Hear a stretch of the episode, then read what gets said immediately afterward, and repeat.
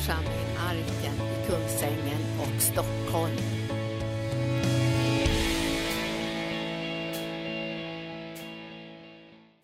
Halleluja, prisad vare Herren Jesus. Vi välkomnar dig Herre och vi ber att du ska göra orden levande.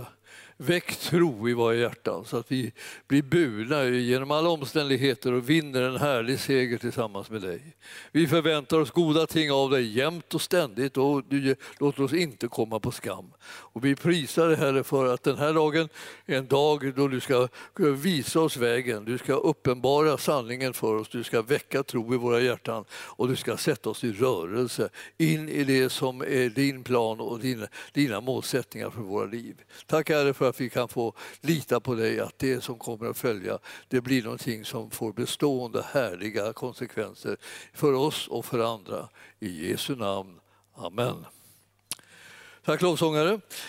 Vi ska eh, idag gå till första Petrusbrevet. Och jag ska eh, ta och eh, tala lite grann där eh, om eh, det som Petrus har på sitt hjärta och skriver om. Jag, jag känner att eh, ibland så är det så där lite så, så extra eh, intressant att veta eh, en del om personen som, eh, som, eh, som talar också. Så efterhand, precis som vi efterhand lär känna Jesus när vi läser om hans liv och, och vad han säger och vad han gör så lär vi också så efterhand lära känna olika lärjungar eh, till Jesus. Och bland den första skaran där Eh, och eh, så småningom så kommer ju därhen att det liksom är viktigt för oss att lära känna varandra för att vi också lärjungar till Jesus och se vad är det som håller på att hända i våra liv, vart är vi på väg och vad är det för steg som vi egentligen behöver ta och känna till och förstå. Eh, och då kommer de här exemplen som vi får i skriften alltså bli till hjälp för oss när vi ska ta steget. Så eh, det är inte så att de här stegen som vi tar, det har ingen människa någonsin tagit förut. Utan det är så att de här stegen vi tar har många, många människor genom århundraden tagit. Och eh, de har stått inför samma liksom, typ av valsituationer och de, och de har liksom fått inspiration från samma källa, nämligen bibelordet. Och nu ska vi gå till andra kapitlet i första Petrusbrevet. Eh, det här är ett, eh, eh, kommer starta med ett råd, alltså om det handlar om det här heliga prästerskapet, det, här, det vill säga vi. Det har stor betydelse där att vi förstår att det, här, det vad Herren har gjort oss till gör att andra saker ibland blir överflödiga. Så eh, eh när han gör alla till präster och kungar så, där, så betyder det att eh, du behöver inga präster och kungar för övrigt.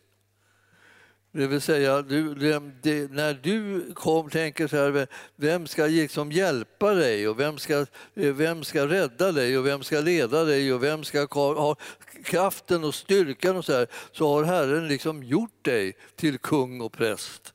Han har gett dig en position där du kan nå, eh, nå Guds hjärta och tala med honom och ha favör med Gud när du kommer dit och han har gjort dig till kung så du har auktoritet och makt att omintetgöra djävulens gärningar.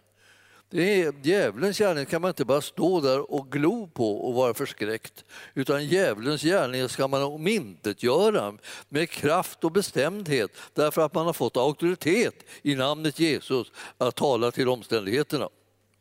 Så det finns mycket liksom att upptäcka liksom i det här att det, alltså, vi ska inte bete oss som om inte något hade skett och som om inte vi hade fått någonting från Herren. Utan vi måste ta reda på vad är det som han har gett till oss och sedan använda oss utav det. Så att, det liksom, så att mörkrets värld skakar därför att du gör allvar av din position i Guds rike.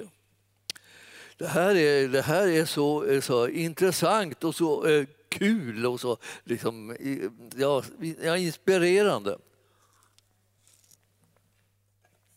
Fjärde versen i andra kapitlet. Det är bra råd, nu kommer det lite råd här. Kom till honom, den levande stenen som visserligen är förkastad av människor men är utvald och dyrbar inför Gud. Man kan säga kort och gott, vad spelar det för roll vad människor tycker om den? för den är utvald också av Gud. Och det här, den här stenen är ju Jesus. Kom till honom, följ honom. För eh, människor kan rynka på näsan och det hur mycket de vill, det gör ingen skillnad. För Gud har utvalt den här stenen. Gud har utvalt sonen och det är till honom som vi ska komma. Den där sonen betyder någonting och även om människor förkastar det så betyder det eh, någonting med denna son. Och när du följer sonen så kanske du blir förkastad på kuppen men ditt liv betyder någonting eftersom du är utvald av Gud. Och du vet att det där är liksom någonting som övergår ens förstånd. Man tror att det är liksom väldigt viktigt att bli accepterad av människor. Det är inte viktigt. Utan det viktiga är att de accepterar det erbjudande som du och jag har att sprida ut, nämligen evangelium. Det är det som är viktigt. Det är inte viktigt vad de tycker om dig och mig. Det viktiga är att de får höra evangelium så att deras hjärtan blir påverkade och uppmjukade och att de blir brinnande i sitt inre och de väljer att komma till honom som är liksom själva stenen som Gud har utvalt. Den stenen som gör att man kan vara med i och hamna rätt på rätt plats i det bygge som Herren håller på med sin församling. Kom till honom, den levande stenen. Visserligen alltså, som visserligen är förkastad av människor. Visserligen är han det, men det spelar ingen roll. Det har ingen makt i sig. Och när de trodde att de hade förkastat honom så mycket de kunde, det vill säga korsfäst honom, låtit honom dö, liksom, begravt honom, när liksom allt det där var gjort så hade det ingen makt i sig för han uppstod på tredje dagen. Det hela sprack liksom. Mörkrets hela plan sprack. För den som de gav sig på hade de inte makt med. Och nu är det så här att jag ska försöka komma fram till att prata med dig så du ska förstå att du har del i det rike som mörkret inte har makt med. Och du är en representant för det riket som mörkret inte har makt med. Istället för att du tänker att mörkret har makt med dig så ska du tänka det har det inte. För du tillhör ett rike som är fullkomligt utom räckhåll för fienden. Det är så fienden, han försöker, han tänker, han hoppas, han, han arbetar, han sliter, han härjar, så han blir bara helt enkelt utsliten. Men får ingen makt med det. Därför det här är av en helt annan kaliber. Låt er själva, står det nu i vers 5, som levande stenar byggas upp till ett andligt hus, ett heligt prästerskap som ska frambära andliga offer som Gud tack vare Jesus Kristus tar emot med glädje.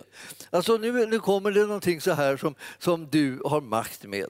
Och jag, jag tänker ibland så här, jag vet inte hur vi läser men vi, ibland läser vi inte så noga när vi läser i våra biblar. När vi inte läser så noga så missar vi vad som står där egentligen då, då, då, hoppar vi över vissa bitar och sen sparar vi på en del, del förutfattade meningar som vi har om vad det ska stå där. Men här står något ord som gör att, det, att du blir betydelsefull. Alltså det som du, hur du ställer dig till den här saken är avgörande för hur det kommer att gå. Och, och jag tänkte, ja, men var det inte Herren? Frågan var det Herren? Jo, det Herren har gjort har liksom en fantastisk kraft och makt och ett erbjudande till dig.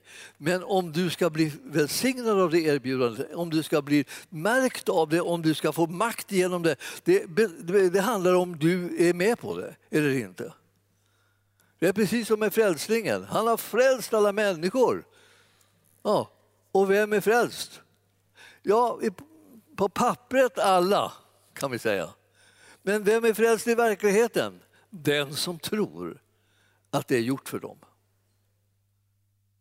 Alltså, vi måste vänta in att det personen som är föremål för frälsningen säger ja tack till den och tror att det gäller dem. Då är det deras. Och då är frälsningen en verklighet för deras liv. Så är vi tillbaka här igen inom ett annat område där vi har någon, här, någon talan. Det betyder någonting vad det är, hur vi ställer oss till saken. Här stod det först att vi skulle komma till honom. Sen står det låt er själva som levande stenar byggas upp till ett andligt hus. Låt betyder tillåt. Tillåt att du blir en sten som är med och bygger upp ett andligt hus. Tillåt det. Om du inte tillåter det kommer det inte ske. Fastän det övernaturliga, fantastiska finns där. Att det är en erbjudande som du bara behöver säga ja tack till. Men om du inte säger ja tack utan säger nej tack så kommer det inte ske med någon slags tvångsmedel fastän Gud vill det. Han säger, jag vill att du släpper in det här. Jag vill att du gör dig delaktig i det. Jag vill att du överlåter det till det. Jag vill att du öppnar dig för det här. Ta emot det, ta emot det, ta emot det. Men, och, men så länge som du inte tar emot det så kommer det inte åt ditt liv. Du avgör. Det är klart, det stora avgörandet var ju han, när han frälste dig och ordnade möjligheterna och förutsättningar för att kunna bygga upp ett, ett tempel, eh, Guds rikes templet. Men så står det här att låt er själva som levande stenar byggas upp till ett andligt hus och bli ett heligt prästerskap som kan frambringa andliga offer som Gud tack vare Jesus Kristus tar emot med glädje. Det vill säga vad helst vi nu behöver och bär fram till Gud, det kommer Gud ta, ta emot på grund av Jesus Kristus. Han är den som är, öppnar vägen för dig och mig i kontakten med Gud. Både när vi själva ska komma med någonting till Gud och när vi sedan också ska ta emot någonting från honom så är det hela tiden detsamma. Nämligen att det, är, det kommer se, det är tack Gud tar emot det, tack vare Jesus Kristus så tar han emot det här med glädje. Jag undrar ibland varför man inte kan bli gladare av, av, av det man läser här än vad man blir. Jag undrar ibland varför liksom det liksom på något sätt står vi hamnar i det här läget, jaha, ja just det, det är bra. Alltså, det är ju inget, inte något alls något egentligt gensvar till det. Det är liksom bara något slags, ett slags, man tänker ja, för sant håller jag håller här för sant, det, det är förmodligen så. Ja. Men jag, jag, jag, jag, det får ingen riktig träff i mitt hjärta ännu därför att det, det exploderar inte hos mig. Men eh, jag säga, vänta bara. Det här, det här har i sig en möjlighet att explodera fullkomligt. Så att du ser det här. Va? Så står det, det står nämligen så här i skriften. Står det. Se, jag lägger i Sion en utvald och dyrbar hörnsten och den som tror på den skall aldrig komma på skam. Oh, om det, nu, kan vi, nu kan du tänka dig så Nu ska du tänka dig här. Jaha, och det är jag det, tänker du då. Det är, det, är, det är mig det handlar om. Jag är en sån här som aldrig någonsin kommer, kommer på skam därför att jag tror på den här som Herren har gjort, den som han har sänt. Alltså, här var ju liksom häpnadsväckande att det skulle kunna påverka mitt liv. Herren har lagt i Sion en utvald och dyrbar hörnsten och den som tror på den ska aldrig komma på skam. Jag, jag, jag, accepterar genast detta, att jag tillhör den gruppen som tror på den här hörnstenen och aldrig någonsin kommer på skam. Och nu har du frågan till dig då. då. Eh, eh tror du också det? Väljer du också det? För att om du väljer det så kommer du aldrig någonsin på skam! Förstår du? Vilket fantastiskt erbjudande det här är. Det här är livsförvandlande. Vem i all världen vill komma på skam? Ja, men har man gjort tillräckligt i sitt liv och komma på skam på olika sätt? Nu är det slut! Alltså, så fort du liksom kommer till den punkten där du fattar det här, alltså, nu erbjudandet ligger där och det väntar bara på att du i tro ska ta emot det och bejaka det. Då, från den stunden är det slut. Du kommer aldrig mer på skam. Men kan, kan man bara dela ut sådana saker? Ja, ja inte jag, men, men han. Gudsordet delar ut den här positionen, att vara en person som aldrig kommer att komma på skam. Det kommer aldrig att vara förgäves, det du gör tillsammans med Herren. Det kommer aldrig bli så att du bara blir misslyckad och utskämd och bortkastad. Utan det kommer alltid vara så att du kommer inte på skam i det du företar dig tillsammans med honom. Och när du låter det infogas i det här templet så kommer Herren att vara garantin för att du som tror på det han har gjort med dig inte kommer att komma på skam. Och jag, jag, jag, när jag läser det så tänker jag så här, det, det är ju det är oerhört vad det här är, är bra. Alltså, nu, nu råkar jag till... Nu råkar jag, det är ungefär som så. Jag, jag, förstår att det inte finns så mycket råkade, råkade så där, som vi har som vanligt talspråk när, när man pratar om sin relation till Gud. Utan man blir ledd, liksom, kan vi säga. Man blir ledd. Men jag, om, jag, om jag pratar vanligt språk så skulle jag säga så råkade jag eh, komma till Petrusbrevet. Och, och, eh, och, och, då var det också fantastiskt bra. Alltså jag vet inte, liksom- det här håller på att hända mig hela tiden i livet. Alltså jag, jag, har fått ett, liksom ett ansträngande liv kan vi säga på ett sätt. Det, det är ansträngande därför att varenda ställe är så fruktansvärt bra. Så att man nästan, nästan, nästan ja, jag svimmar nästan liksom när jag tänker på det här. Alltså. Och, och, och, men det var ju förra stället också. Alltså jag menar, när jag läste förra stället som jag predikade över, så här, det var ju så enormt bra. Alltså bibelstället alltså. Själva innehållet var så enormt bra. Och sen kommer jag liksom bara råka titta på Betusbrevet, och då är det så här enormt bra.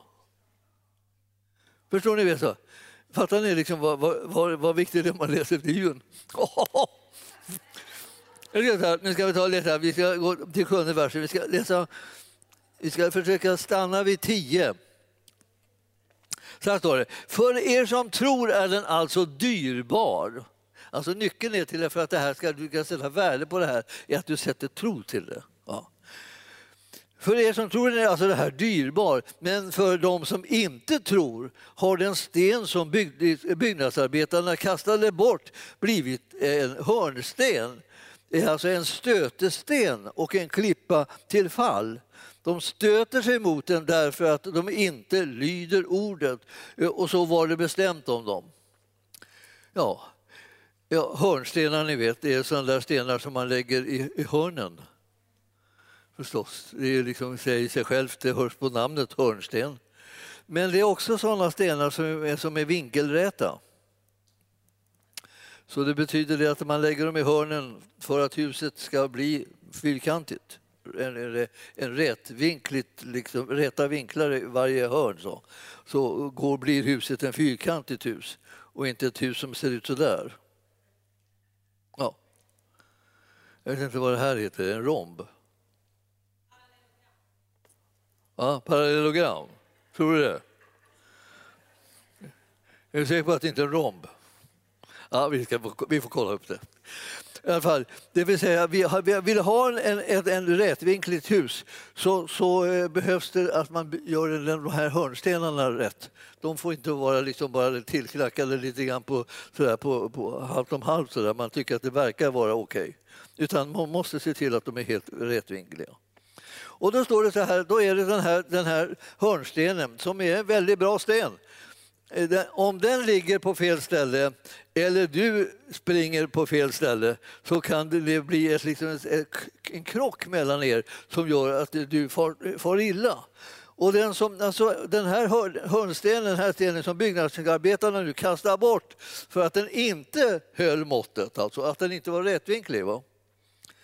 Har, har, blivit, har blivit en hörnsten och eh, en stötesten och en klippa till fall de stöter sig mot den därför att de inte lyder ordet.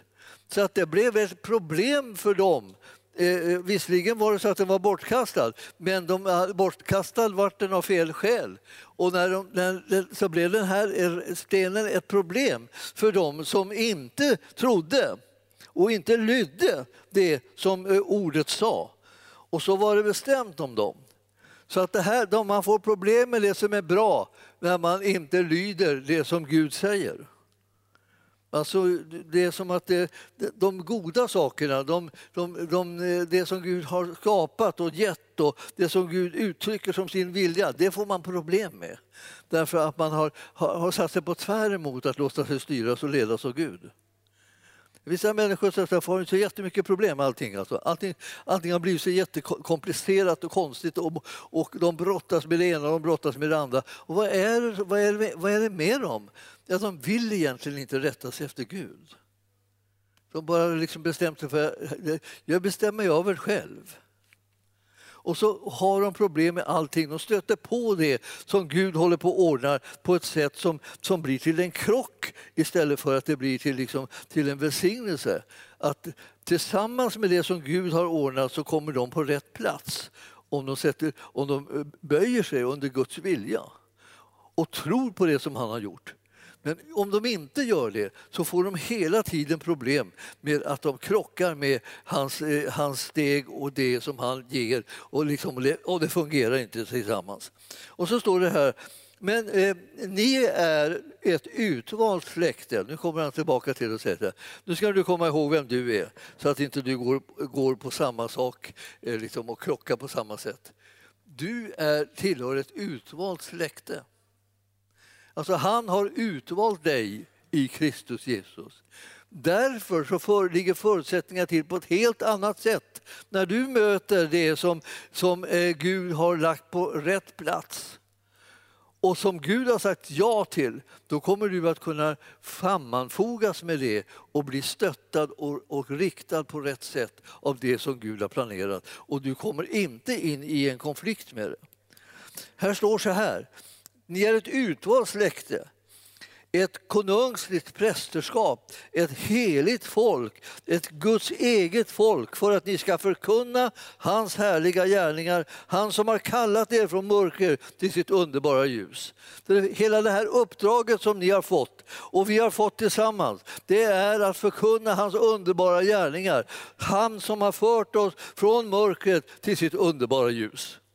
Det, förstår, det här är vårt gemensamma uppdrag. Vi kommer att kunna förändra världen, vad kan man säga, eller, eller bygga upp i världen ett rike som inte är av denna världen utan det är Guds rike som, som människor kommer att dras till därför att de ser att här håller Gud på och gör någonting som är helt övernaturligt underbart. Och människor som får höra talas om det, de är välkomna in genom tron.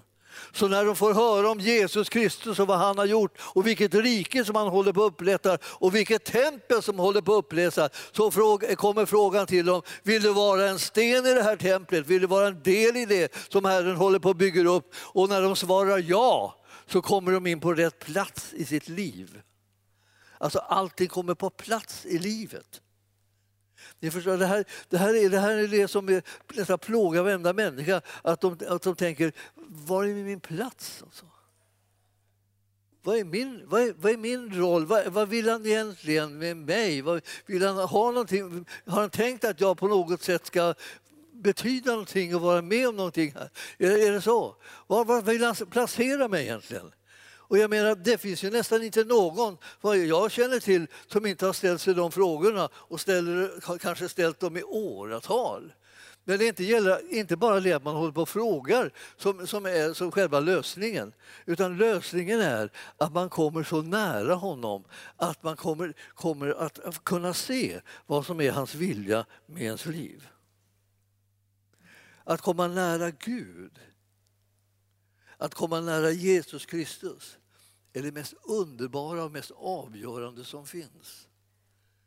Man kan dras åt alla möjliga håll, man kan få alla möjliga och liksom, liksom inviter i livet. Men vad man behöver är att komma nära Herren. För först då så får man klarsyn och behöver inte liksom vara orolig att han har glömt den, att han inte ser den, att han inte kan använda den, att man aldrig kommer komma rätt och, och andra människor kommer aldrig se vad jag är och förstå vad, vilken kallelse jag har och vilken betydelse jag vill ha och vilka gåvor som jag har. Och andra kommer bara missa alltihopa hela tiden och man är bara orolig, orolig, orolig, orolig när, när det i själva verket står kom till honom. Alltså. Vi läste nyss alltså, att rådet var kom till honom. Det betyder inte att du inte är frälst, det betyder bara det att du håller dig för långt borta. Du måste hålla dig nära. När du, när du kommer nära, får, kommer in i ljuset ordentligt, så ser du plötsligt liksom vad det är som är, är, är sant och rätt och vad det är som är kallelsen som finns på ditt liv och vem du är. Alltså. Herren vet ju vem du är.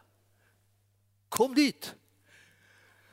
Och jag, jag tänker bara så här, ja, på ett plan så finns det liksom alltid liksom en, en, ett utrymme för att vara orolig eh, när tron inte liksom har fått riktigt något bra fäste. Men så finns det ju också ett, eh, ett annat plan att vara väldigt trygg, där tron har fått fäste. Där kan man vara hur, som, hur trygg som helst. Man kan vara så trygg så att man vågar inte tala om det för någon. Alltså, för, för då blir folk som inte känner samma trygghet ledsna över att de inte har det och, eh, och så. Men eh, Bibeln säger aldrig på det sättet. Bibeln säger kom. Säger Bibeln. Det blev inte mer komplicerat än så.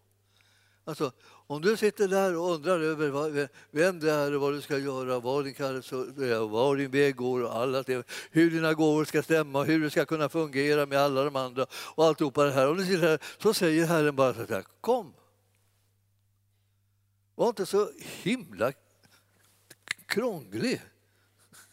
Ja, du får ursäkta mig med det ordet, för jag vet att alla förstår vad jag menar då. då. Var inte så himla krånglig, utan kom. Alltså. Han, han, han, vill inte liksom att du sitter här och trasslar och bökar. Så här. Kom bara! Det, det, är ljus som du behöver och det är ljus han har. Så därför så kom till honom. Ska du få se hur det hänger ihop. Hur du ska förhålla dig till den här hörnstenen och hur du ska kunna vara en sten som infogas i det här tempelbygget och hur Guds eh, tempel så att säga, och Guds rike ska kunna upprättas och bli ett, ett hem för alla de andra som är kallade till samma plats. Alltså det är ju helt underbart. Alltså. Och vilket uppdrag har vi fått? Han börjar tala om för oss. Ja, vi är ett utvalt släkte och vi är konungsligt prästerskap. Och vi är ett heligt folk och vi är Guds eget folk. Eh, och vi har ett uppdrag att förkunna om hans härliga gärningar. Jag kan säga, ja, eh, men kan man inte säga då, men då gör vi det. Vi sätter igång och gör det helt enkelt. Han som har kallat oss från mörker till sitt underbara ljus. Och när vi kom så fick vi ljus. Så att vi visste vad vi skulle göra och så satte vi igång och göra det. Ni vet att, jag, jag, jag, tänker ibland på det här med ljus och mörker därför att det är, liksom, det är alldeles speciellt. Alltså, vi tänker så här, ja, då ska vi komma till hans underbara ljus. Och så har vi, tänker vi att det, det är nog komplicerat och, och trassligt, så det, det, det, håller vi på med länge då, liksom och funderar över istället för att bara kommer. Om vi kommer så kommer vi in i ett ljus som, som ger oss uppenbarelse. Men vad det gör för övrigt är det, det, det, det bryter sönder alla mörkrets planer. Du ställer dig i ljuset och plötsligt så är mörkrets planer liksom omintetgjorda. De når inte fram längre, de får inte grepp med dig på det sättet som du trodde. För att det är inte så här att vi, går, vi har som uppgift att gå omkring och prata om djävulen. Vår uppgift är att prata om Jesus. Om den säger, tror du inte på djävulen? Nej, jag tror på Jesus. Vad ska jag tro på djävulen för? Jag menar, eh, då är det ju det här med tror jag på honom så ska jag ju tjäna honom då, följa honom och ära honom och sådär. Ta, eh, rätta mitt liv efter honom och så. Eh, svaret är då bara nej. Det är Jesus som jag tror på, det är honom som jag följer, det är honom som jag vill ge ära med mitt liv. Vad, vad ska jag göra? Ja, men djävulen då? Strunt i honom. Han är ju besegrad. Så, och tänkte jag, men här, ja, men här har vi, vi måste ju räkna med liksom kampen mellan mörker och ljus. Varför det? Den kampen är över.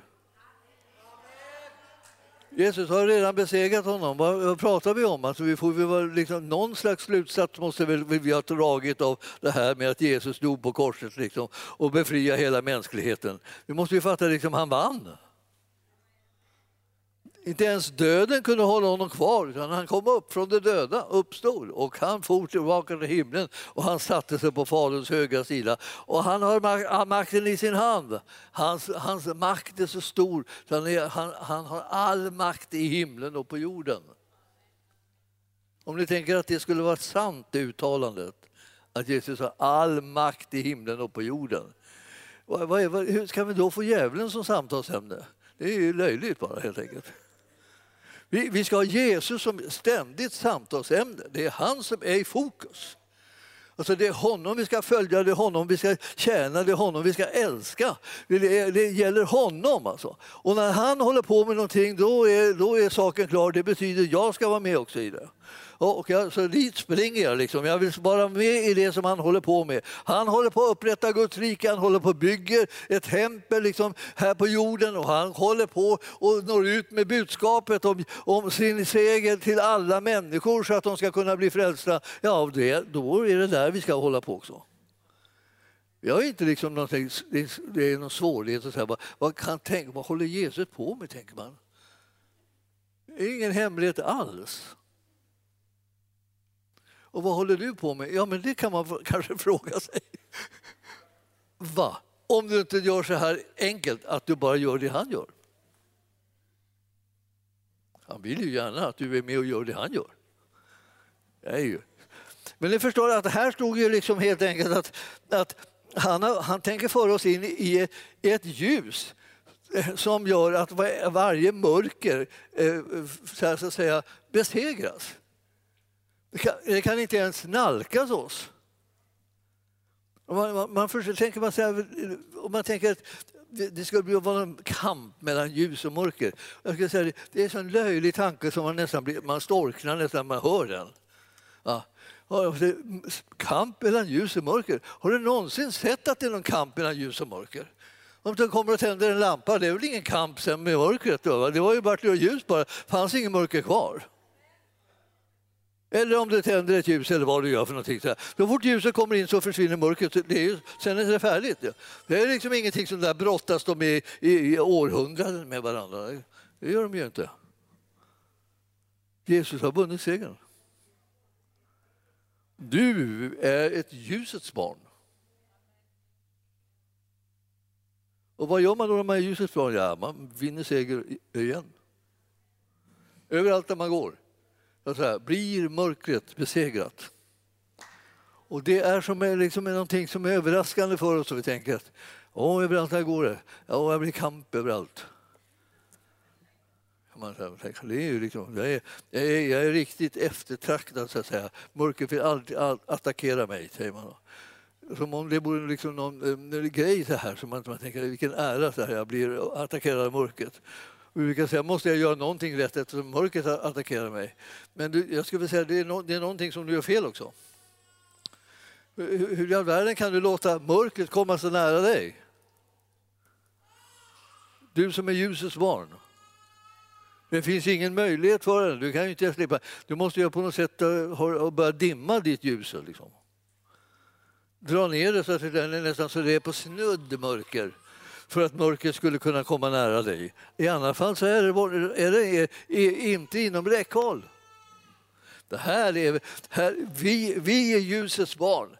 Och, och, och, Jesus han, han, är, han är den som har allt ljus och han kan besegra allt mörker och det kan vi också. Och ni, har, ni som förut inte var ett Guds folk är nu, står det i tionde versen, Guds folk. Ni som inte hade fått barmhärtighet har nu fått barmhärtighet. Så om du tänker på ut under versen och tänker så här, jaha, jag, nu, nu, är jag liksom i Guds folk. Och vad är det som han har gett till mig? Han har visat mig och gett mig barmhärtighet.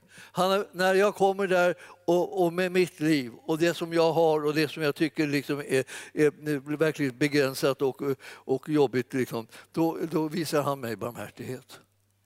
Vad, vad betyder det? Ja, han förbarmar sig över mig. Han förlåter mig.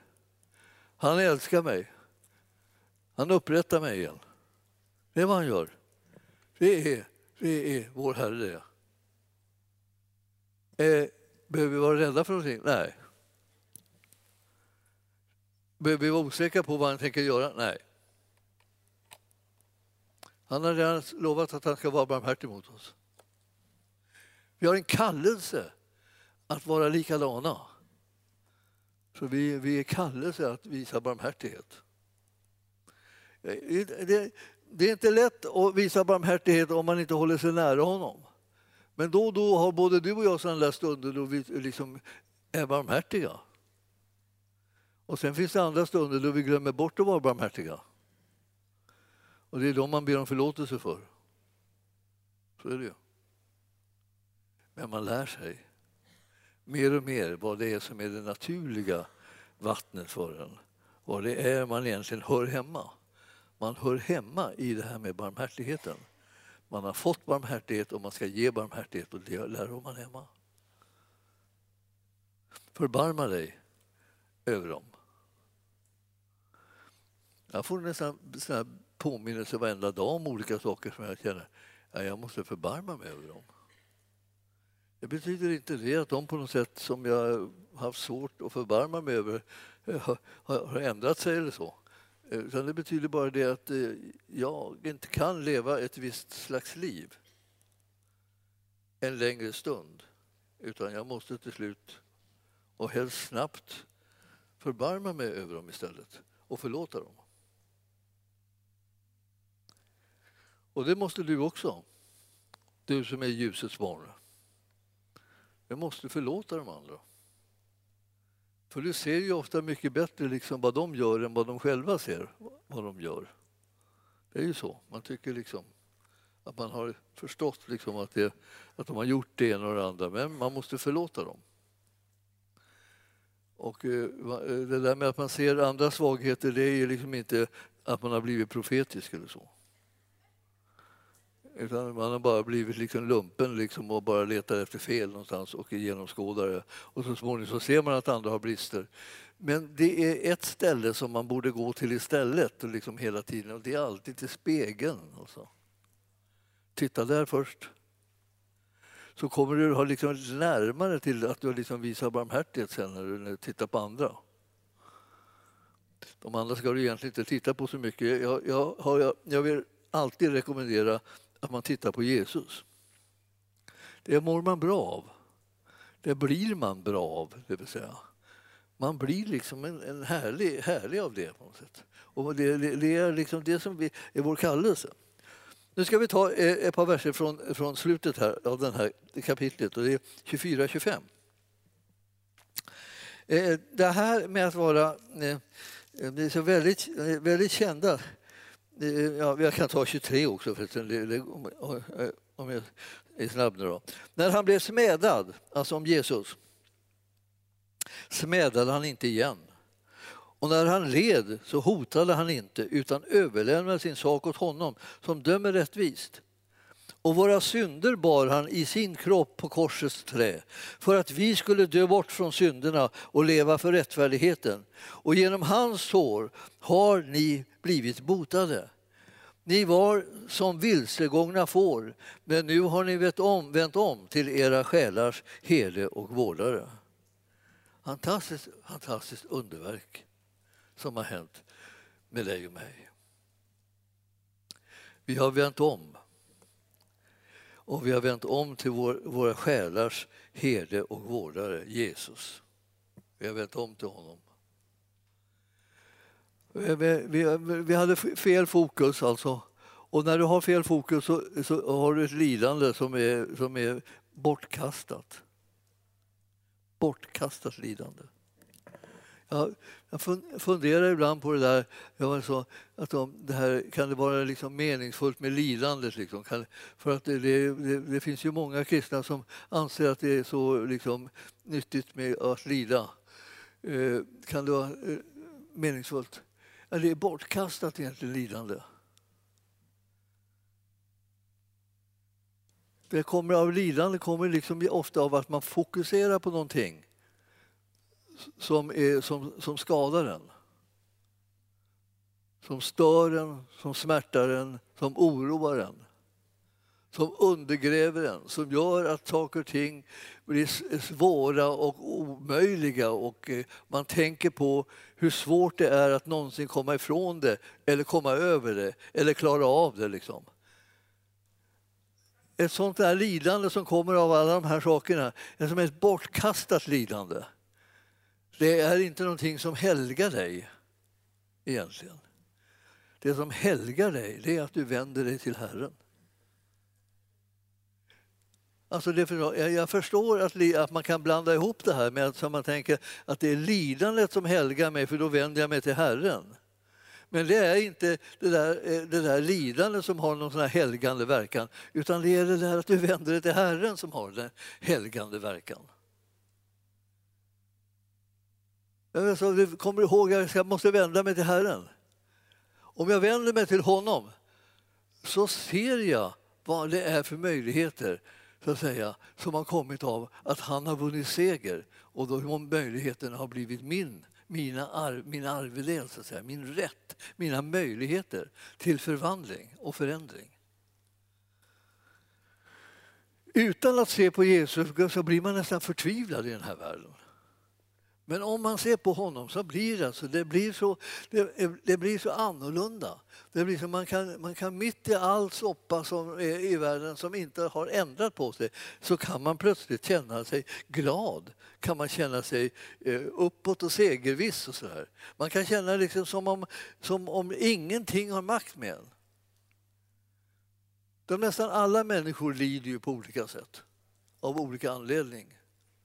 Men vi kan säga att om vi, eh, om vi ser på honom och gör, uppmärks gör uppmärksamheten på honom liksom som eh, nummer ett i livet så kommer det att fullständigt ta makten ur lidandet och dess liksom, eh, verkan så att säga, som annars är inne i, i livet och i tankarna och det här. Man kan, man kan bli så plågad va, liksom, av vad man går omkring och tänker på så att man känner att liksom hela livet blir förstört. Men då var det som det vi läste som i första, för, första verserna här.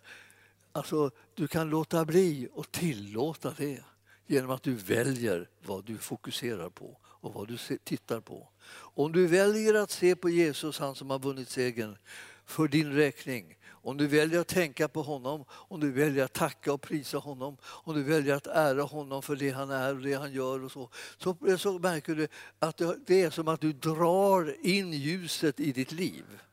Och när du drar in det här ljuset i livet så är det som att mörkret får inte en chans att fortsätta sin verkan och vara kvar. Du, liksom, du rycker bort liksom själva underlaget för att mörkret ska få något fäste. Och Herren får övertaget igen därför att han är välkommen att komma. Kom in, alltså. Helige Ande, kom in och, liksom, och, och dominera mitt liv så att inte mörkret får någon fäste, så att inte sjukdomar och andra eländiga omständigheter fångar mig i sin, med, med, sin uppmärksamhet. Jag vill uppmärksamma Jesus, jag vill uppmärksamma honom, bara honom. Och när jag då uppmärksammar bara honom, då händer någonting fantastiskt intressant. Därför att då börjar jag se människorna på, på ett annat sätt. De andra runt omkring. Vad som ofta händer med, med, med, med när jag har ett lidande eh, utan ett fokus på Jesus är att jag bara kommer ihåg mitt lidande. Och när jag möter andra människor så vill jag ha, jag vill ha utrymme att berätta om mitt lidande. Och jag vill inte att någon stör mig när jag berättar om det detaljerat. Hur, hur mycket jag lider och hur mycket svårigheter det har varit och hur mycket saker som jag gått igenom. Och allt det här. Därför att jag har ett sånt fokus och lidandet så att säga är mitt. Men Herren har sagt kom. Fokusera istället på mig så ska du se att du får ett helt annat uppdrag och du kommer att se helt andra saker och du blir löst ifrån att vara en fånge eh, av det som, de gärningar som mörkret åstadkommer bland människor.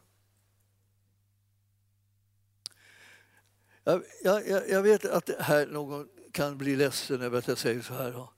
För de har kämpat jättemycket med att liksom acceptera och godkänna sitt lidande som någonting som de ska ta emot. Och så.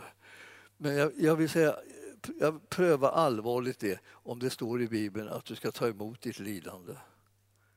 Dina sjukdomar, din nöd och bundenhet och hopplöshet och alla sådana där känslor. Står det någonstans att du ska ta emot det? Står det någonstans att Gud har tänkt att använda det för att du ska bli så helig och helgad så att du överträffar varenda kotte? Nej, gör inte det. Så Utan det står liksom, se på honom. Trons hövding och fullkomnare. Kom till honom. Alltså, du förstår, alltså, låt hans ljus komma in i ditt liv så att du, du blir fri från det som plågar dig. Jesus har gjort saker och ting för dig och mig och han vill absolut att du och jag ska upptäcka det. Det här är nästan lika jobbigt som när vi försöker föra ut evangelium, eller hur? När man så dåligt säger här, här är de liksom framför mig och jag står och pratar med dem och de, de fattar inte vad jag säger. De får inte tag i det, jag får inte tag i det, de får inte tag i det. Varför får de inte tag i det? Och jag förstår inte det. Och, och jag ska säga att varför de inte får tag i det, därför att det behövs hjälp för att få ut evangelium. Och den hjälpen heter den heliga Ande. Med den heliga Andes hjälp så kan den enklaste lilla vittnesbörd om Jesus göra, göra att människor blir frälsta. Uppenbart, plups, man tänker, hur gick det där till? Ja, den här personen fick hjälp. Den ville ha hjälp och den fick hjälp. Och du kan också få hjälp. Och det är liksom, här, för Herren är det här enkelt, men han vill ha dig med. Så det är så att säga det är du som kommer och ska tjäna, men du är aldrig kallad att tjäna utan den heliga Andes kraft. Han har tänkt att du ska vara med och tjäna och göra hans vilja. Då kommer han med sin kraft och bistår dig. Och då är det plötsligt möjligt. Eh, om det här så plötsligt behövs hjälp för att man ska få en människa att ta emot Jesus och bli frälst, hur, hur mycket mer ska det liksom behövas då, tror du, liksom för att man ska kunna bli fri ifrån allt det där som binder en och, och begränsar en och plågar en och, och jagar en hela tiden? Hur ska du kunna bli fri ifrån det? Ja, det är samma ställe man hämtar det hos. Man hämtar hos honom, den barmhärtige, frälsaren, Jesus Kristus. Kom till honom. Han ger ljuset så starkt att mörkrets makt bryts och du blir fri. Han kommer och förvandlar ditt liv. Alltså. Och jag tänkte ibland på de som, som har hållit, haft sjukdomar så länge och plågor så länge, i så många år. Varför är det så väldigt stor skillnad på hur de lever? Ja, det, det är därför att de har olika fokus. En del har absolut fått allt fokus på mörkret och mörkrets gärningar och lider och lider och lider och det är det, det de tänker på. Och, eh, och, att, och, och de får ha det och, det, och de har liksom mutat in sjukdomarna som deras sjukdomar och, och som har sin rätt att hålla på med dem. Medan andra eh, har, har bara lyft blicken och börjat se på honom den barmhärtige frälsaren och läkaren som hjälper mig. Och jag får liksom någonting annat för mig, någonting helt annat för mig än att jag håller på och noterar liksom hur, hur, hur mycket lidande som finns i, i, mitt liv och min värld och min kropp och min själ. Och, och, där. Så, och så börjar jag se på honom, han som har lyft av alltsammans, han som har förbarmats över mig. Och mitt där, innan jag överhuvudtaget ser någon förändring, så prisar och tackar jag honom för att han har löst mig ifrån det. Allt lidande. För jag behöver bara honom egentligen. Och när jag har honom då har jag allt som jag behöver. Och det här är så, det här är så eh, häpnadsväckande liksom omöjligt och eh, otroligt och konstigt att man inte bara ska vara eh, någon slags rapportör utav vad, vad mörkret gör utan börja säga så här oavsett vad mörkret gör så har Herren gjort såna här saker och det gäller för mig. Och så talar jag om vad Herren har gjort och så prisar jag honom för hans gärningar och, och, och hans ljus kan komma rakt ner och hans lösningar kan komma rätt ner i det omöjliga värld och förvandla den. Jag är en sån här som tror på den här övernaturlig förvandling Inte på liksom att bara notera, har det blivit någon skillnad? Hur är det med temperaturen? Hur är det liksom med verken? Var sitter den? Var, var går den? Var, var, var, var rör den sig hit och dit och allt vad det är? Hur är det? Liksom? Har det ändrat på sig? Liksom? Har, har sjukdomen krympt ihop eller svällt ut? Eller vad, vad har det hänt med den? Liksom? Allt det här. Ja, ja, ja. Sjukdomen hit och dit. Herren handlar om. Herren har all makt i himlen och på jorden. Och det är honom jag är intresserad av. Jag, för honom ska jag vara med i all evighet. Jag, jag tar och greppar tag om honom nu också. Och så tänker jag leva med honom och göra hans vilja och följa honom och ära honom med mitt liv. Och jag tänker inte bry mig om vad det här andra håller på med. Ja, jag, jag, jag tänker så här, bagatelliserar du nu Eh, mitt lidande, min sjukdom, min, min smärta, min svårighet och så. Nej, det gör jag inte. Jag bara talar om att det finns något som är mer intressant och mer verkningsfullt än att titta på det och tänka på det. Och det är Jesus. Jesus är räddningen. Han är räddningen fastän allt det här andra finns. Han är räddningen fastän det känns likadant som det kändes förut. Så är det han som är räddningen. Alltså jag har inte någon, liksom, någon, någon bestämd tro, så här, ja, när ska vi, när, och är han räddningen ska vi liksom omedelbart eh, bli helade och så där. Jag tror att när jag ber så, så är det meningen att jag, jag, personen ska bli omedelbart helad och, och det är vad jag ställer in mig på. Men jag ställer inte in mig på vad det är som jag ska uppmärksamma sen resten av livet om, oavsett hur det gick. Utan då har jag redan bestämt mig för att oavsett hur det, här, hur det här ser ut och hur det slutar och vart det tar vägen så kommer jag att fästa min uppmärksamhet på Jesus Kristus för det är han som är lösningen. Det är han som är räddningen, inte jag. Men jag ställer mig till hans förfogande och han får verka vad han vill. Jag, jag tänker lära känna honom mera. Och ju mer jag lär känna honom, desto mer så kommer Herren åt mitt liv. Och jag kan bli en kanal för att komma åt andra människors liv med det som jag fått ifrån honom.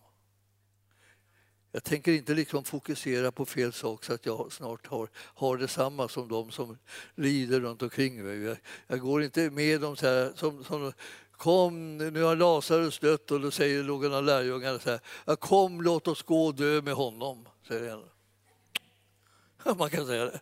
Vilka lärjungar. Så. Jag undrar, har de lyssnat en enda sekund på vad Jesus har sagt? Har han tänkt att komma liksom och dö med, dö med Lazarus nu eller? Ja, var fick de det där ifrån? Ja, det var något fromt snack. Ja. Fromt snack, det hjälper ju inte en kotte. Utan den som kan hjälpa är han som har makt att få en person att uppstå från de döda. Och det kunde Jesus och det var det han var på väg dit att göra. Men han hade inte, han hade inte bråttom. Och jag, jag, har, jag har också tänkt på det, liksom, det är väldigt ofta folk har väldigt bråttom när någon dör. Alltså, ja, när den väl är död alltså. Är det så, väldigt bråttom, då är det bråttom. Eh, det är bråttom naturligtvis innan någon dör om man vill eh, eh, säga adjö till den liksom innan den dör. Men alltså det här med att det är bråttom när de redan är döda. Det är ju liksom mera, lite mer överraskande. Och eh, när man, när man, som jag liksom har jobbat som präst så blir man lite grann lite så här, eh, man kan säga lite härdad på något vis. Så att om ni tycker att jag pratar om de här sakerna liksom, eh, utan för mycket darr på rösten och så, så beror det på att jag har, har darrat färdigt på den där punkten. Jag tror att eh, följer man honom som eh, kan uppväcka från de döda då behöver man inte liksom säga nu, nu, nu är vårt mål att vi allihopa ska dö. Kom så går vi och dör med den som har dött. Hur kunde man komma på en sån idé? De, de föreslog Jesus det, att han skulle gå på den vägen. Han var inte intresserad av den vägen. Nej, tack och lov. Han var intresserad av uppståndelse från de döda.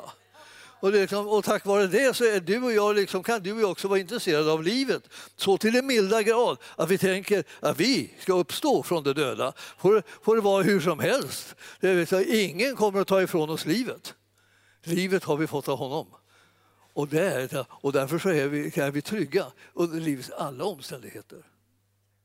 Han förbarmar sig över oss. Och vi behöver lära känna honom mera.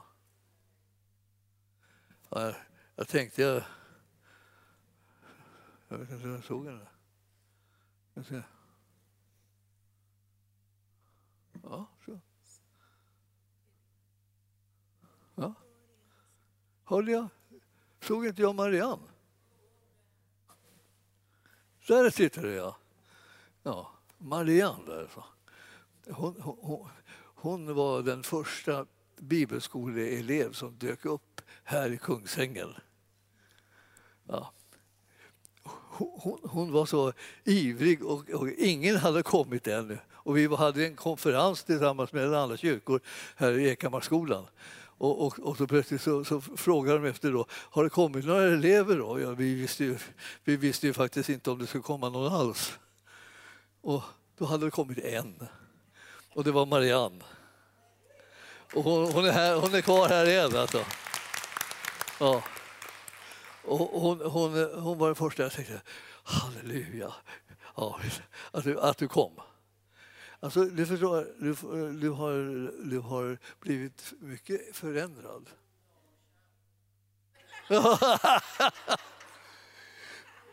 För att lära känna, att lära känna Jesus genom åren va? så, så och vandra med honom, det är man blir, man blir förändrad och man behöver, man behöver bli förändrad i sina tankar. Och Marianne hon bara, hon bara grät, jag kommer ihåg att hon grät, grät, grät hela tiden och, och, och, och, och var så liksom både gripen av situationen upp, och uppgiven och eh, förtvivlad och allt möjligt mellan himmel och jord. Eh, men, men Jesus, Alltså, när han kommer i centrum så, så, här, så, så, kan man inte, bara, så kan man inte bara gråta. Man, man måste bli liksom lite glad på kuppen. Och, du vet, och, och, och hon är liksom en ganska glad typ. Där. Eller? Och, det, och, det, och, det, och det kunde man absolut inte ana då. Men alltså, Herren, man behöver få någon att säga, titta där, åt det hållet. Där är han som är, kommer att rädda dig fastän det ser ut så här i din livssituation. Det viktigaste med dig är inte dina omständigheter. Det viktigaste med dig är att du tillhör honom, Jesus. Och det är räddningen för dig oavsett alla omständigheter. Och jag, vill, jag, vill, jag vill säga att håll fast vid det. Håll inte på att låta blicken flacka så här och, och dras in och titta på mörkret och dras in i det och, och bli liksom uppgiven av det. Utan håll blicken fast ordentligt vid Jesus. Han är den som är din räddning. Och, eh, och, och det, han, han räddar dig fastän du inte märker det. Och jag tänkte på det så att, att eh, en del tänker så här, ja, om han räddat mig då, då, blir det si och då blir det så här och då blir det så där. Du har ingen aning om hur det blir när han räddar dig. Men saken är den, han räddar dig. Och han kommer att göra det med all, all säkerhet. Och nu ska vi ta och avsluta det hela här nu då. Vad är i tiden? Ja, ja jag har väl hållit på en stund antagligen. brukar bli så där. Men det är min födelsedag så får du strunt i samma. man, får, man får ta sig lite rättigheter här. nu ska vi se här. Här har vi Ja, här har vi, här, här har vi det. Så. Det här är en av alltså, favoritställena i Bibeln, alltså. Eh, en av många. Eh, tolfte kapitlet i Hebreerbrevet. Här kommer några råd. Om du liksom tycker att du behöver ha någon slags ordning på livet och du tycker du är rätt trött på liksom att hålla på och ha det som du har det, eh, följ råden. Det är inte så dokigt, det här. Tolfte kapitlet. Det är maning till uthållighet, står det här. Vi får väl se om det, om det kommer att handla om det. När vi alltså har en så stor sky av vittnen omkring oss Låt oss då lägga bort allt som tynger och särskilt synden som snärjer oss så hårt och löpa uthålligt i det lopp som vi har framför oss. Och låt oss ha blicken fäst vid Jesus, trons upphovsman och fullkomnare som istället för den glädje som låg framför honom utstod korsets lidande utan att bry sig om skammen och som nu sitter på högra sidan om Guds tron. Tänk på honom som måste uthärda sådan fiendskap från syndare, annars så tröttnar ni och tappar modet. Ja, jag tycker att det här är suverän text. Alltså. Alltså, det handlar om, om, om vad ska du tillåta dig att tänka på. Och, och, så, så här. och sen ska jag säga, sen handlar det om att det är du som bestämmer vad du tänker på. Inte vilka förslag på tankar som eh, kommer till dig, utan vad du väljer att tänka på. Det är otroligt mycket offer för liksom felaktiga tankar som eh, vi har bland oss. Hur, hur, hur det liksom bara så här, åh, så kommer en tanke, åh, åh en deprimerande tanke, åh, nu vill jag, inte, åh, jag vill inte tänka på den här tanken, den här eländiga tanken, tanken. Och så håller man på och tänker på den hela tiden då, då och tjatar om den så förtvivlat. Vad, vad man gör är att man väljer en annan tanke. Och tänka, ja, men det där verkar ju manipulation och ska hålla på och välja andra, andra tankar. Jag ska, väl, jag ska väl vara ett offer som alla andra. Bara tänk på skiten som kommer. Bara. Allt, allt bara, bara, låt den bara komma. Liksom, och, och jag står här liksom och nästan håller på att gå, gå under. För det kommer så mycket skräp så att jag vet inte vad jag ska göra. Liksom. Jag bara försöker tänka på det snabbt, allt, allting eländigt. Men här, du kan välja, vet du. Det är därför som det står, tänk så här istället. Tänk tvärtom, eh, var lite på tvären. En del av er har ju den gåvan. Va? Va? Nu kan man ha nytta av den alltså menar jag, själv också. Man är så på tvären så man, så man liksom, liksom, det blir ingenting av det där som, som mörkret hade tänkt, eh, bara för att man sätter det på tvären. Ja men sätt det på tvären. Tänk, ja, ska, ska man behöva höra sånt här när man kommer till kyrkan? Sätt det på tvären. Det är, det är för sent. Det har jag gjort länge, i åratal. Det gör ingen skillnad. Ja, det beror på vad du sätter på tvären mot. Det är vanligt att man sätter sig på tvären mot fel saker. Man sätter sig på tvären mot det som är bra och det som är gott och, så här, och, och som saker och ting som man skulle kunna göra liksom annorlunda i sitt liv. Här sätter man sig på tvären mot. Det ska inte förändras någonting här. Men, men om du skulle sätta dig på tvären mot alla, alla djävulens gärningar och alla djävulens tankar och alla, allt mörker som kommer din väg och, och så, sätt dig på tvären mot det istället så kommer du få en liten annan skörd helt enkelt. Ja. Tänk så här, det ska jag absolut inte ha någon makt med mig och jag tänker inte ägna någon uppmärksamhet åt det. Jag tänker tänka på Jesus! Och det, var, och, då, och, och det blir liksom bra. Ja, alltså. Alltså nu ska vi komma till Jesus, va? nu ska vi ta emot ifrån Jesus all barmhärtighet. Och, och sen så ska vi tänka på Jesus va? och sen ska vi proklamera ut hans namn också i den här världen. Så att några människor får en chans att bli frälsta genom att vi nämner honom. Alltså, och, eh, han, är, han är vår stolthet och vår ära, Jesus. Fantastiskt att tänka på, få känna, känna honom och tjäna honom. Och vi kommer att säga till människorna som, som, som har lidandet, alltså, lyft blicken, se på honom som har kommit med lösningen och hjälpen till dig. Du ska inte tro att det liksom är, liksom är förgäves, precis som allting annat som man gör. Man tänker ja, det har inte hjälpt och det har inte hjälpt och jag använder den här salvan men den, den funkar ju inte. Eh, och sen så använder jag de här pillerna, då blir jag så dålig så måste jag ta andra piller för och häva e- eländet som eh, kom genom de första pillerna. Och så, ja, det kan ju vara så att det blir lite olika liksom, eh, sådär, hur, hur saker och ting fungerar. Men det som är viktigt är att välja att fokusera på Jesus och sätta tro till honom. Han är den som förmår att hjälpa alla oavsett situationer. Alltså vittnesbörden om honom, jag vet inte ibland, det finns, jag, jag, brukar ibland rekommendera den här boken, jag tror inte någon har läst den ändå. Men ja, man kan ju fortsätta att rekommendera den. Det är inte Bibeln alltså nu, utan den, jag vet att ni läser lite grann i. Men den här boken som heter Gud kan. Den är skriven av Katrin Kuhlman. Det mest häpnadsväckande, fantastiska under som Gud har gjort i människors liv.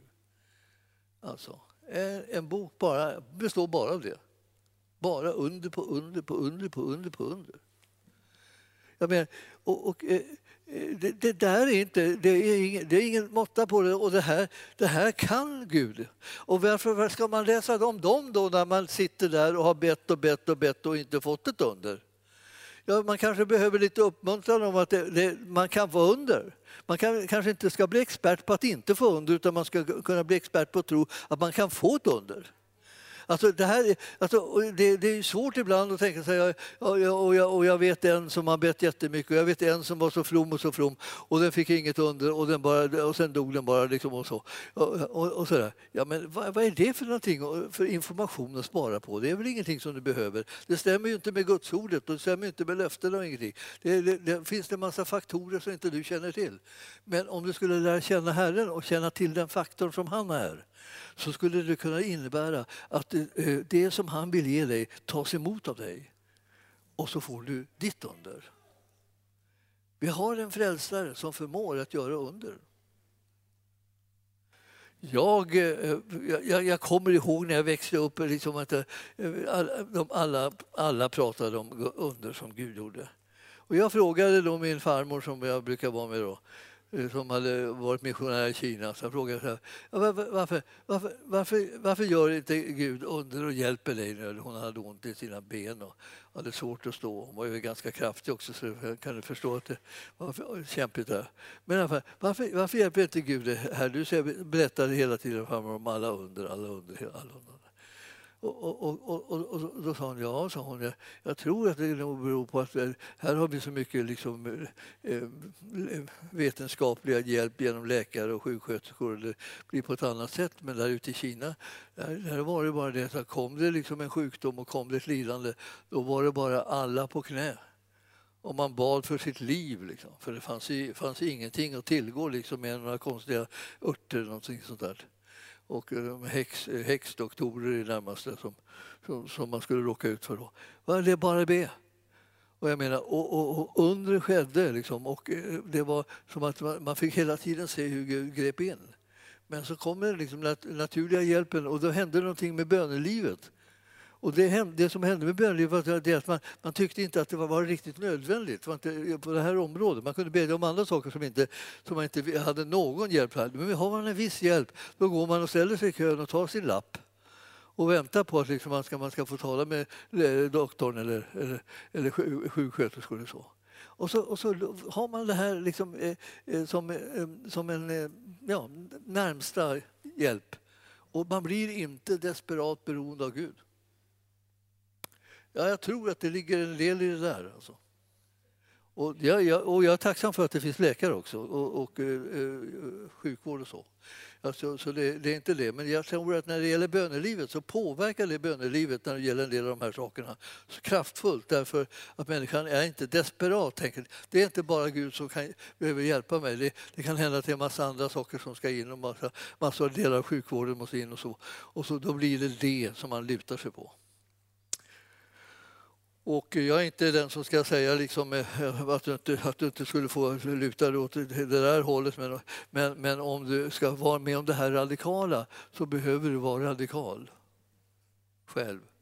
Du behöver vara brinnande, eh, fanatiskt bedjande person som alltså absolut kasta det på Herren för att, att, eh, han ska hjälpa dig precis som han har lovat. Och eh, då tror jag att ni får ett, eh, den kontakten som blir att undret får, får plats att strömma från honom till dig. Och det, det tror jag liksom är, är vägen. Så genom att vi vänder oss till Herren så kommer vi hitta vägar som är övernaturliga ibland när vi verkligen är i behov av dem. Och jag vill säga till er att, att ni, ni ska vara, vara, vara snabba att följa de här råden. Att komma till Jesus, kom inom synhåll, kom honom så nära så att, det, att du är ett sånt ljus att det skyddet finns för ditt liv. Och låt då hans barmhärtighet och hans nåd och kraft verka i dig genom att du tror på det som, jag, eh, som han eh, ger och det som han gör och den som han är. För ingenting överträffar det i den här världen. Jag tänkte på, eh, man sitter här plötsligt så är det någon som plötsligt säger att man har blivit gammal. Jag tänkte, jag blir 74 år. Alltså jag, jag tycker ju att det måste ha varit en felräkning från början. Man, man, man, slutar att tro på det där liksom, att man blir så gammal. Det är klart att man, man, man kan tro på det också liksom, och, och, bli, och bli jättegammal liksom, i förtid men man kan också låta bli att tro på det för kraftfullt och, liksom, och tänka att eh, eh det där ska vi bli två om. Och jag hoppas att, då, att eh, du får förmånen att bli gammal. Eh, på allt, eh, genom att åldras, eller eh, mogna kan vi hoppas att det händer då. Och, och man, genom att mogna så blir livet mycket intressantare. Jag, jag, jag, tänker på att mitt liv som ung var inte särdeles intressant. Men mitt liv nu, som är nu, nu håller jag på att lära känna Gud. Vad intressant det är. Och vilket fantastiskt intressant det är att läsa sin bibel. Och jag vill bara säga det, eh, pröva. Och gör det liksom så här lite noggrant så kommer du märka vilken, vilken Gud vi har, vilken frälsare, vilken hjälte. Hon, med honom så att säga, behöver vi aldrig vara rädda för någonting. Han är den som vinner seger för oss och vi är de som följer honom i fotspåren. Och vi släpper aldrig taget om hans mantelfåll, aldrig i livet. Och så kommer det sluta med att vi hamnar i himlen en dag plötsligt bara när vi är ute och går. Så har vi blivit liksom bibliska på det sättet också. Det blir intressant. Vi ses. Tack för idag.